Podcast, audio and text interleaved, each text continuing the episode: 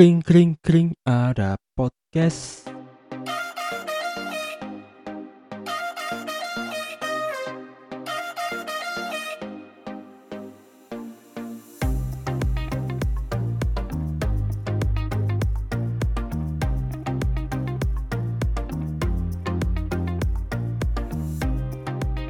Halo teman-teman, jumpa lagi bersama aku, Adit. Kali ini aku ingin menceritakan tentang mungkin teman-teman sudah pernah ada beberapa yang dengar tentang Panji atau cerita Panji atau roman Panji. Ya jadi kisah atau roman Panji ini ya teman-teman telah menjadi memory of the world, menjadi warisan dunia tak benda semenjak tahun 2017 di UNESCO.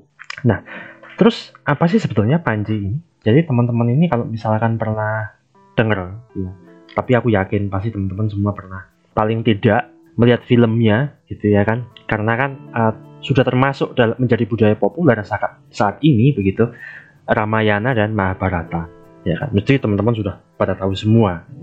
Nah uh, Ramayana dan Mahabharata ya itu kalau misalkan uh, mau kita jujur dan melancak sampai kepada akar sejarahnya, tentu Ramayana dan Mahabharata ini bukan asli dari Nusantara ya teman-teman. Bukan asli dari Indonesia gitu. Ini maksudnya tanpa mengurangi nilai-nilai atau nilai-nilai uh, yang terkandung di dalam kisah tersebut ya. Uh, harus diakui memang Mahabharata dan Ramayana ini uh, sebuah roman atau kisah yang bukan asli Indonesia atau Nusantara. Uh, keduanya kemudian masuk pada era Hindu Buddha di Indonesia, gitu ada kerajaan Hindu Buddha, dan kemudian mengalami improvisasi, mengalami perubahan-perubahan, ya, disesuaikan dengan kondisi sosiokultural masyarakat Indonesia atau khususnya Jawa pada masa itu, ya, oleh para empu yang mengubah kisah-kisah tersebut. Akhirnya lahirlah kisah-kisah uh, yang mungkin tidak ada di Mahabharata ataupun Ramayana versi asli ya seperti Arjuna Wiwaha ya kan atau Bima Ruci ya kan. Nah itu adalah gubahan empu-empu Nusantara atau Jawa kita juga tahu di dalam kisah apa namanya uh, Mahabharata juga ada Punokawan yang tidak ada di dalam kisah aslinya yang di India sana begitu ya. Jadi memang uh, Ramayana dan Mahabharata ya itu memang meskipun dalam beberapa hal ini memang asli Nusantara tapi dalam beberapa hal yang lain ya uh, dia ini merupakan keduanya merupakan uh, serapan. Cerita Panji ya ini bisa dikatakan sebagai uh, semacam kedua hal itu. Atau boleh juga dikatakan sebagai uh, cerita alternatif roman alternatif. Ya kan? Jadi cerita Panji ini produk asli Indonesia atau atau katakanlah Jawa begitu ya. Yang kalau teman-teman tahu sebetulnya ini menyebar ke berbagai wilayah Nusantara. Ya dan tidak hanya beberapa wilayah Nusantara tapi juga ke beberapa negara di uh, wilayah Asia Tenggara gitu ya. Jadi kisah ini bisa dipandang sebagai cerita alternatif yang kemudian muncul atau lahir atau diciptakan di masa lalu ya kan sebagai sebuah kisah ya kisah alternatif ya bagi dua kisah mainstream atau kisah yang dominan Mahabharata dan Ramayana, ya kan. Nah, sebenarnya kisah ini atau kisah Panji ini ini diketahui dari mana, gitu ya. Ya kita bisa lihat pada pertama sumber-sumbernya, sumber-sumber yang tertua ya tidak lain adalah relief candi, teman-teman. Ya, ada di Candi Penataran. Sedangkan Candi Penataran ini ya di Jawa Timur, dia ini dibangun pada masa Kediri dan terus dipergunakan sampai pada masa atau era kerajaan Majapahit. Jadi cerita Panji ini diduga populer di masa Majapahit, ya, di masa keemasannya sampai menjelang uh, runtuhnya Majapahit, gitu. Sedangkan lahirnya ya karena settingnya memang bercerita tentang uh, era kerajaan Kediri atau Jenggala dan Panjalu, maka banyak yang menganggap juga dan dalam hal ini menduga gitu ya. Uh, kisah ini lahir pada era kedua kerajaan tersebut, Kediri dan uh, Jenggala begitu. Nah, jadi kisah ini seperti apa sih? Gitu ya. Kalau kita merujuk pada relief candi penataran begitu, ya teman-teman bisa mengunjungi lah ya ke candi penataran itu. Di sana ada buah relief yang secara garis besar menceritakan kisah ini sebetulnya ya tentang Panji dan juga Dewi Sakartaji. Gitu. Jadi secara umum kisah ini merupakan kisah antara dua tokoh ya teman-teman. Raden Panji itu yang laki-laki. Raden Panji ini disebut juga sebagai kuda Waningpati atau dikenal juga sebagai Inu Kertapati atau kalau di Malang dia disebut juga sebagai Panji Asmoro Bangun di Pacitan dia di, disebut juga sebagai Jaka Kembang Kuning. Disebut juga sebagai Remeng Mangunjoyo ada banyak sebutan. Tapi pada pada intinya dia ini merujuk pada satu orang sosok Panji. Ya kan? Jadi uh, siapa Panji ini? Panji ini merupakan putra mahkota kerajaan Jenggala. Nah, sedangkan Galuh Chandra Kirana, ya kan? Ini kan kisahnya antara dua tokoh ini ya, uh, yang laki-laki Panji, yang perempuan Galuh Chandra Kirana gitu. Ya kan, Galuh Chandra Kirana ini juga disebut juga sebagai Dewi Sekar Taji. Ya, yang merupakan apa kalau istilahnya zaman dulu ini Sekar Kedaton. Sekar Kedaton itu adalah putri kerajaan. Putri, putri kerajaan mana? Ya, putri kerajaan Panjalu atau Doho atau Kediri ya di Jawa Timur sini ya. Nah kedua putra dan putri raja ini jadi si Raden Panji ini atau Inu Kertapati ini kan putra mahkota atau pangeran dari kerajaan Jenggala.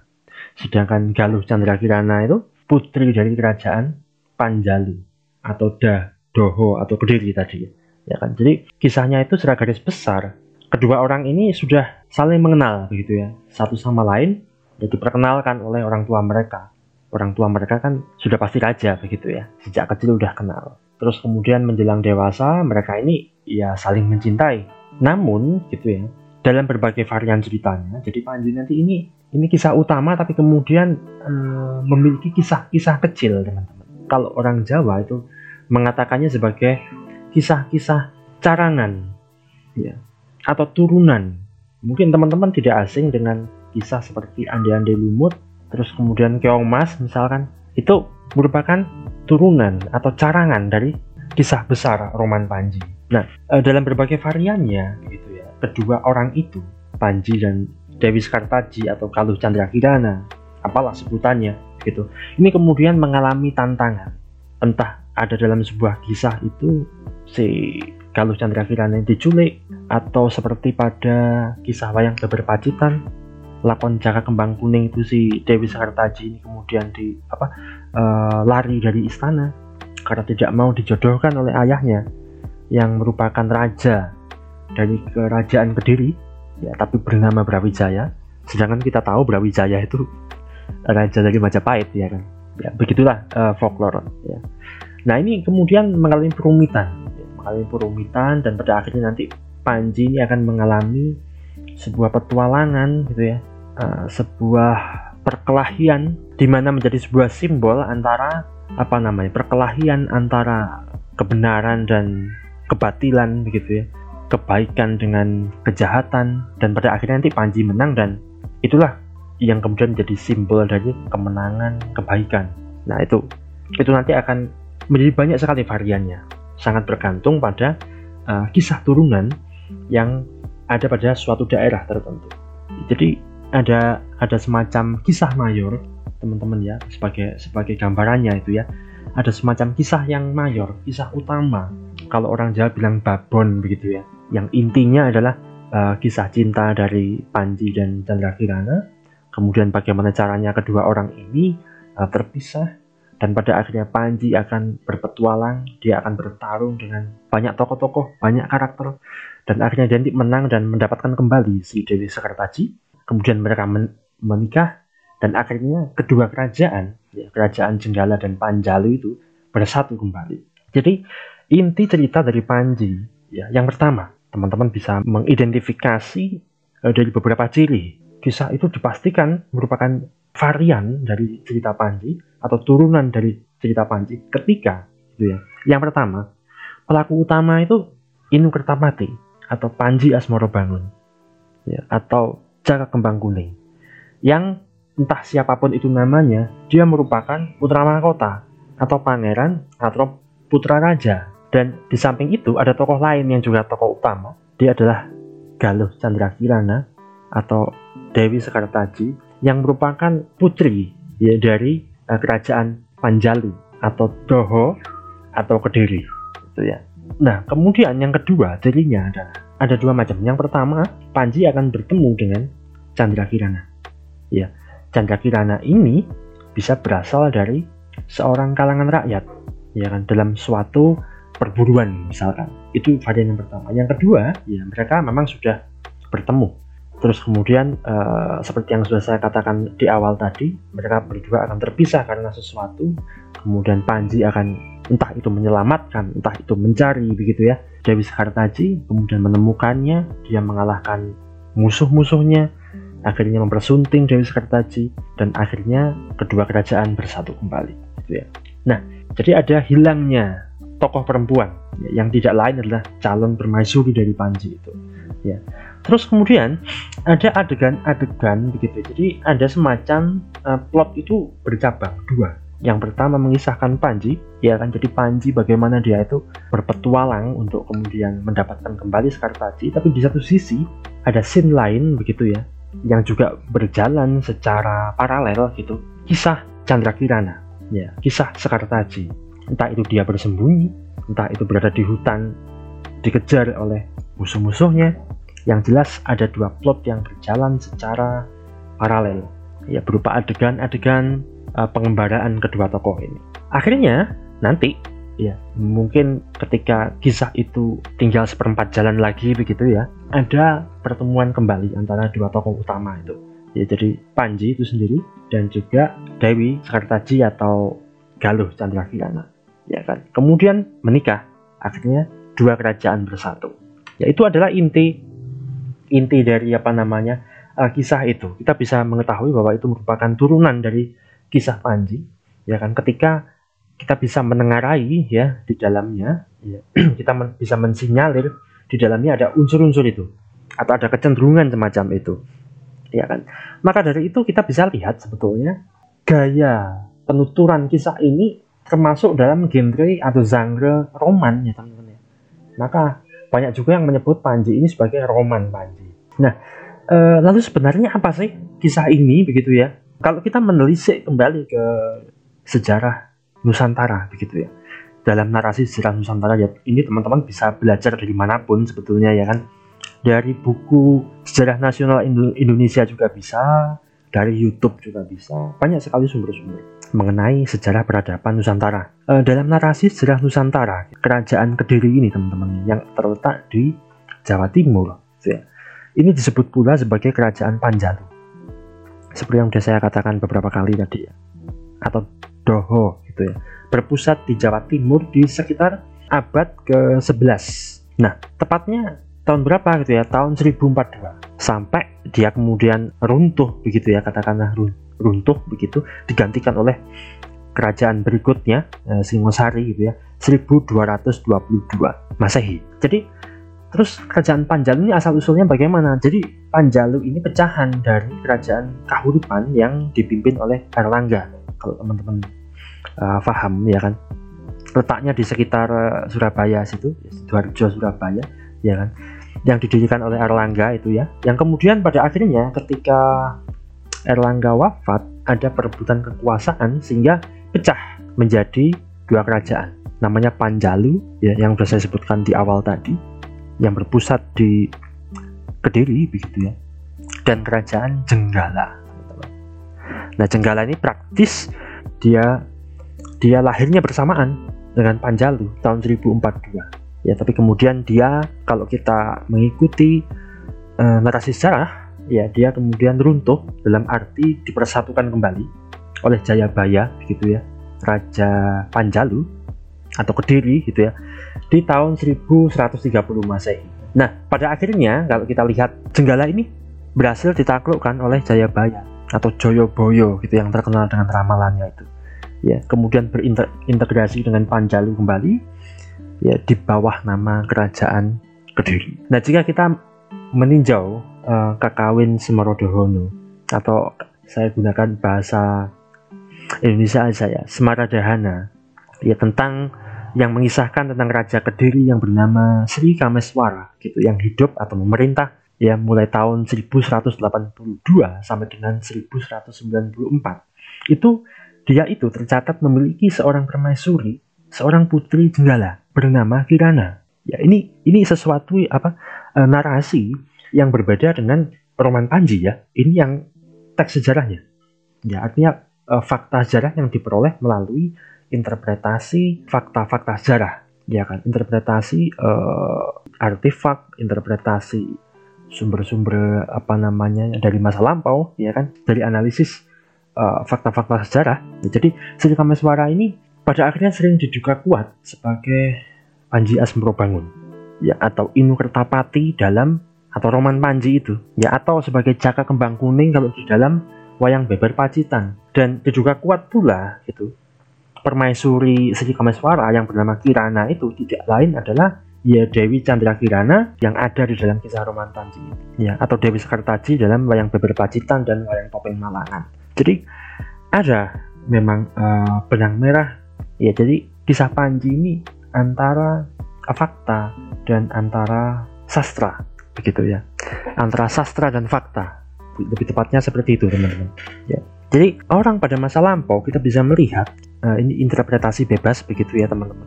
Kita bisa melihat bagaimana orang pada masa lampau itu kemudian menceritakan kembali eh, peristiwa-peristiwa uh, penting ya melalui simbolisasi simbolisasi seni ataupun sastra gitu ya untuk mengingat itu.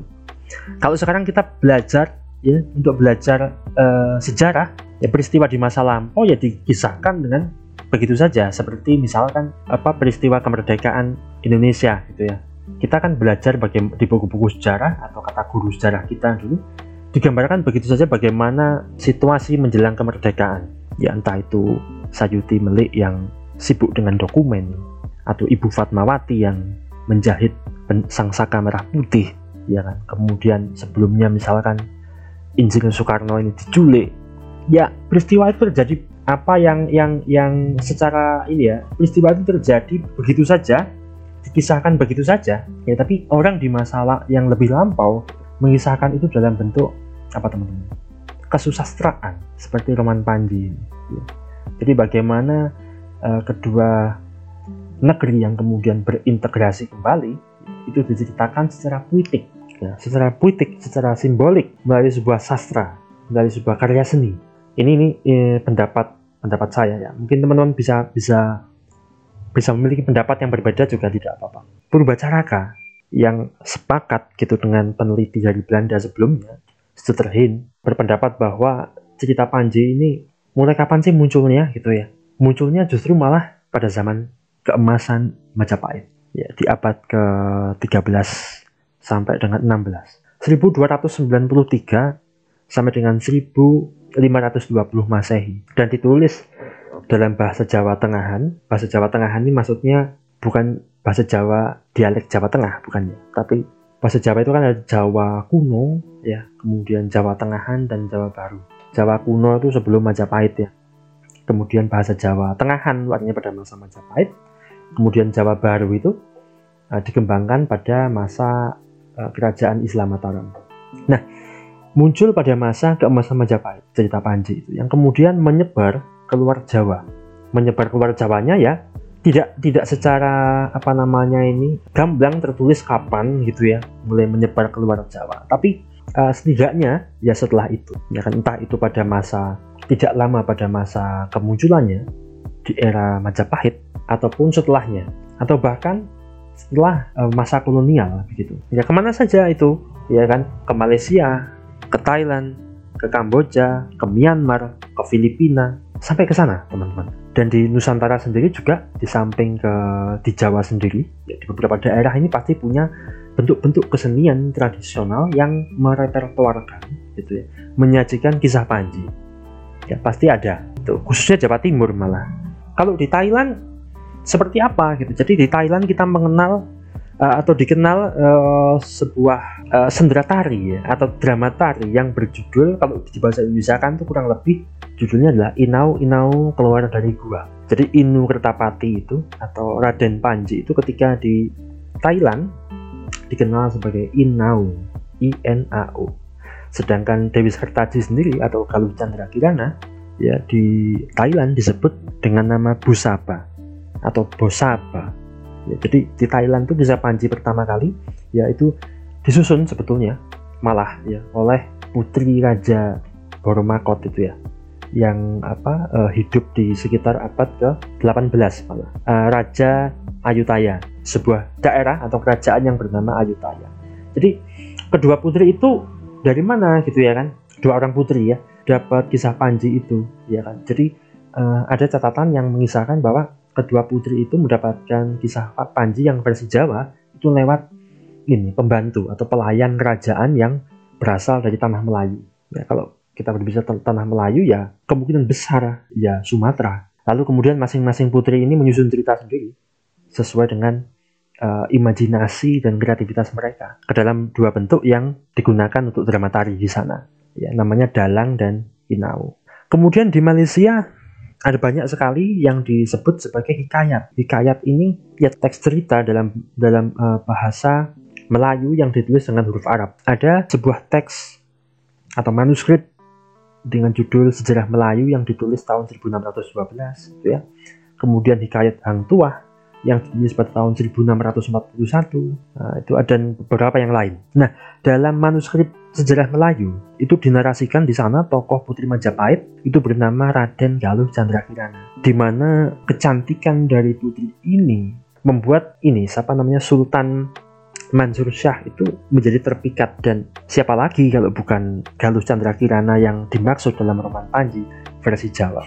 Di hikayat Hang Tuah itu juga dikatakan bahwa atau disebut seorang ratu dari kerajaan Doho atau Daha itu yang tidak lain adalah apa Panjalu atau Kediri. Kemudian di Kamboja dikenal juga Inaf, I N A V. ya kan. Inaf ini juga sebenarnya mewakili ini ya, Inau atau kalau di, di Thailand tadi disebut sebagai Inau itu ya. Atau kalau di Jawa Inu. Di Kamboja ini beberapa kisah itu disukai memang oleh Raja Kamboja.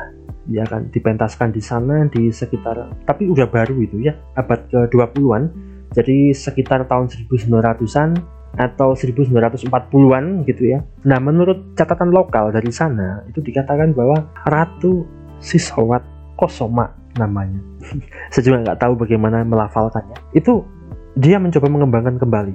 Ya pertunjukan Inaf dan Busaba itu dalam Khmer Classical Dance. Jadi ada tari klasik suku Khmer Kamboja. Itu kemudian dipentaskan. Tapi akhirnya hanya ada beberapa sih yang ada di sana sehingga sukar juga gitu ya untuk mengetahui uh, yang mana sebetulnya yang versi asli yang dikembangkan oleh orang-orang Khmer ini yang otentik itu yang mana agak sulit juga. Nah kalau di Indonesia ya teman-teman kalau ke Malang misalkan teman-teman bisa melihat wayang topeng Malangan. Wayang topeng Malangan ini semacam wayang orang tapi menggunakan topeng. Kemudian mereka menari tapi di situ ada kisah yang direpertoarkan. Ada juga dalang yang berfungsi sebagai narator sekaligus sutradara sebetulnya. Jadi wayang topeng Malangan ini merupakan sendratari Terus kemudian kalau teman-teman ke Pacitan, di sana ada wayang beber yang mementaskan lakon Jaka Kembang Kuning. Iya kan? nah, di sini namanya si Panji ini namanya jadi Jaka Kembang Kuning gitu ya. Nah, ini tapi yang Dewi Sekartaji namanya tetap Dewi Sekartaji. Jadi wayang beber ini wayang yang di wayang yang digambar teman-teman ya di dalam kertas yang sangat panjang gitu. Lalu digulung ya dalam satu gulungan itu biasanya terdiri dari empat panel ya di mana satu panelnya itu merupakan adegan-adegan yang berbeda. Total kalau nggak salah di wayang beber Pacitan itu ada berapa? 6 gulungan yang setiap gulungannya itu ada 4 panel. Sehingga total ada 24 panel. Itu uh, wayang beber Pacitan. Kemudian wayang beber itu dibeberkan begitu, kemudian uh, dengan gambar menghadap ke penonton, ya. Dalangnya ada di baliknya. Ada di baliknya dengan menggunakan semacam kayu untuk menunjuk mana tokoh yang sedang berbicara, mana tokoh yang sedang apa namanya melakukan aktivitas atau bertindak gitu ya itu dengan menggunakan tongkat pendek gitu ya seperti tongkat sulap begitu. Kayak tongkatnya Harry Potter itu teman-teman. Gampangnya. Terus wayang beber tidak hanya di Pacitan ya di Wonosari ya daerah istimewa Yogyakarta juga ada. Tapi namanya lakonnya bukan Jaka Kembang Kuning lagi tapi Remeng Mangun Jaya. Ya kurang lebih ceritanya juga demikian. Hampir sama. Terus kemudian ada di daerah Malang sebetulnya di samping Panji ini mengejawantah dalam wayang topeng Malangan, Panji juga direpertoarkan dalam wayang kerucil. Katakanlah wayang kerucil Malangan begitu teman-teman ya. Itu di daerah desa namanya Gondowangi di Kabupaten Malang. Ya itu wayangnya bukan terbuat dari kulit, ya tapi dari kayu. Sehingga wayang kerucil ini juga kerap dikatakan sebagai wayang klitik karena ketika dimainkan bunyinya klitik-klitik-klitik gitu. Karena terbuat dari kayu. Iya kan? Ya nggak tahu mungkin suatu saat teman-teman bisa bikin wayang yang terbuat dari besi atau gembreng gitu ya. Jadi namanya wayang breng. Karena kalau di kalau di apa mainkan bunyinya gelondeng gelondeng gelondeng. Nah itu kan. Kayaknya belum ada itu teman-teman bisa bikin itu ya. Di Gondowangi gitu ya wayang kerucil gitu. kemudian di Kediri juga ada wayang kerucil ya juga merepertuarkan Panji tapi saya kurang paham juga uh, lakon yang seperti apa gitu. Kemudian di Bali ada Malat. Malat itu juga uh, sendera tari tapi tidak pakai topeng. Terus kemudian di Bali juga di samping Malat juga ada ini tari Panji Semirang dan boneka emas. Ya itu juga ada tari itu. Kemudian para seniman lukis di Kamasan mereka juga kerap jadikan Panji ini dalam atau sebagai kisah atau isi dari lukisan yang mereka buat. Ya jadi lukisan tradisional gaya kamasan Bali itu. Itu juga mengisahkan tentang roman Panji. Ya. Dan masih banyak lagi seperti Hikayat Cinta Buhan di Aceh ya. Uh, Legenda Putri Cilinaya. Nah ini di Lombok teman-teman ya. Ini legenda milik suku Sasak. Di sana juga disebut uh, Galuh Chandra Kirana sebagai permasuri Kediri gitu. Terus di Melayu, Melayu ini berarti Sumatera situ ya. Ada hikayat cekel maneng pati ya. Di Solo juga ada kisah yang dibacakan ya dalam bentuk dalam bentuk seperti cergam begitu. Ya, jadi ada teks dengan huruf aksara Jawa Baru, eh, berbahasa Jawa Baru juga karena karena masa Surakarta ya teman sudah Mataram sudah gitu. jadi bahasanya Jawa Baru ya. itu kisah Panji Jaya Lengkoro mungkin dari yang saya sebutkan ini masih banyak yang belum diketahui ya. Uh, masih banyak ini hanya beberapa aja yang saya sebutkan teman-teman bisa mencari sendiri. Nah Panji ini termasuk dalam Intangible Cultural Heritage of Humanity yang terdaftar di UNESCO atau warisan budaya tak benda tak benda intangible. Di samping yang lain misalkan ada wayang kulit terus kemudian senjata tradisional keris itu batik angklung tari saman terus kemudian tari-tari Bali seperti apa itu rejang, sangyang, wayang wong itu juga ya tuh.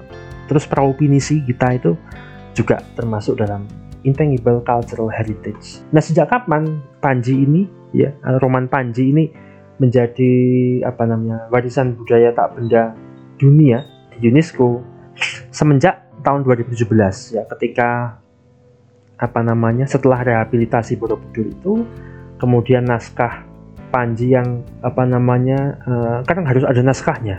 Ya kalau kalau mau diajukan ke UNESCO itu. Mana buktinya? Nah itu. Kemudian uh, Perbusnas ya bersama juga kerjasama dengan Malaysia, Kamboja, Belanda dan Inggris. Dan kalau dari Indonesia tuh ada ini teman-teman Pak Wardiman Joyonegoro uh, Menteri Pendidikan Indonesia tahun 90-an ya sampai tahun 97 itu juga ikut uh, membantu dalam pendaftaran Panji sebagai warisan dunia. Jadi Panji ini uh, terdaftar sebagai warisan dunia belakangan teman-temannya setelah kisah atau apa namanya folklore yang sebelumnya semisal Ilagaligo dari Makassar itu ya negara Kertagama terus kemudian apa Babat Diponegoro ya kan itu terdaftar duluan tahun 2011 2013 ya jadi Panji baru-baru saja masih sekitar ya tiga tahun yang lalu ya Oke, mungkin itu teman-teman yang bisa saya apa bagikan ya, tak bagikan tentang Panji. Mudah-mudahan teman-teman tergerak atau penasaran lah mencari lebih jauh tentang Panji. Syukur-syukur uh, mencoba untuk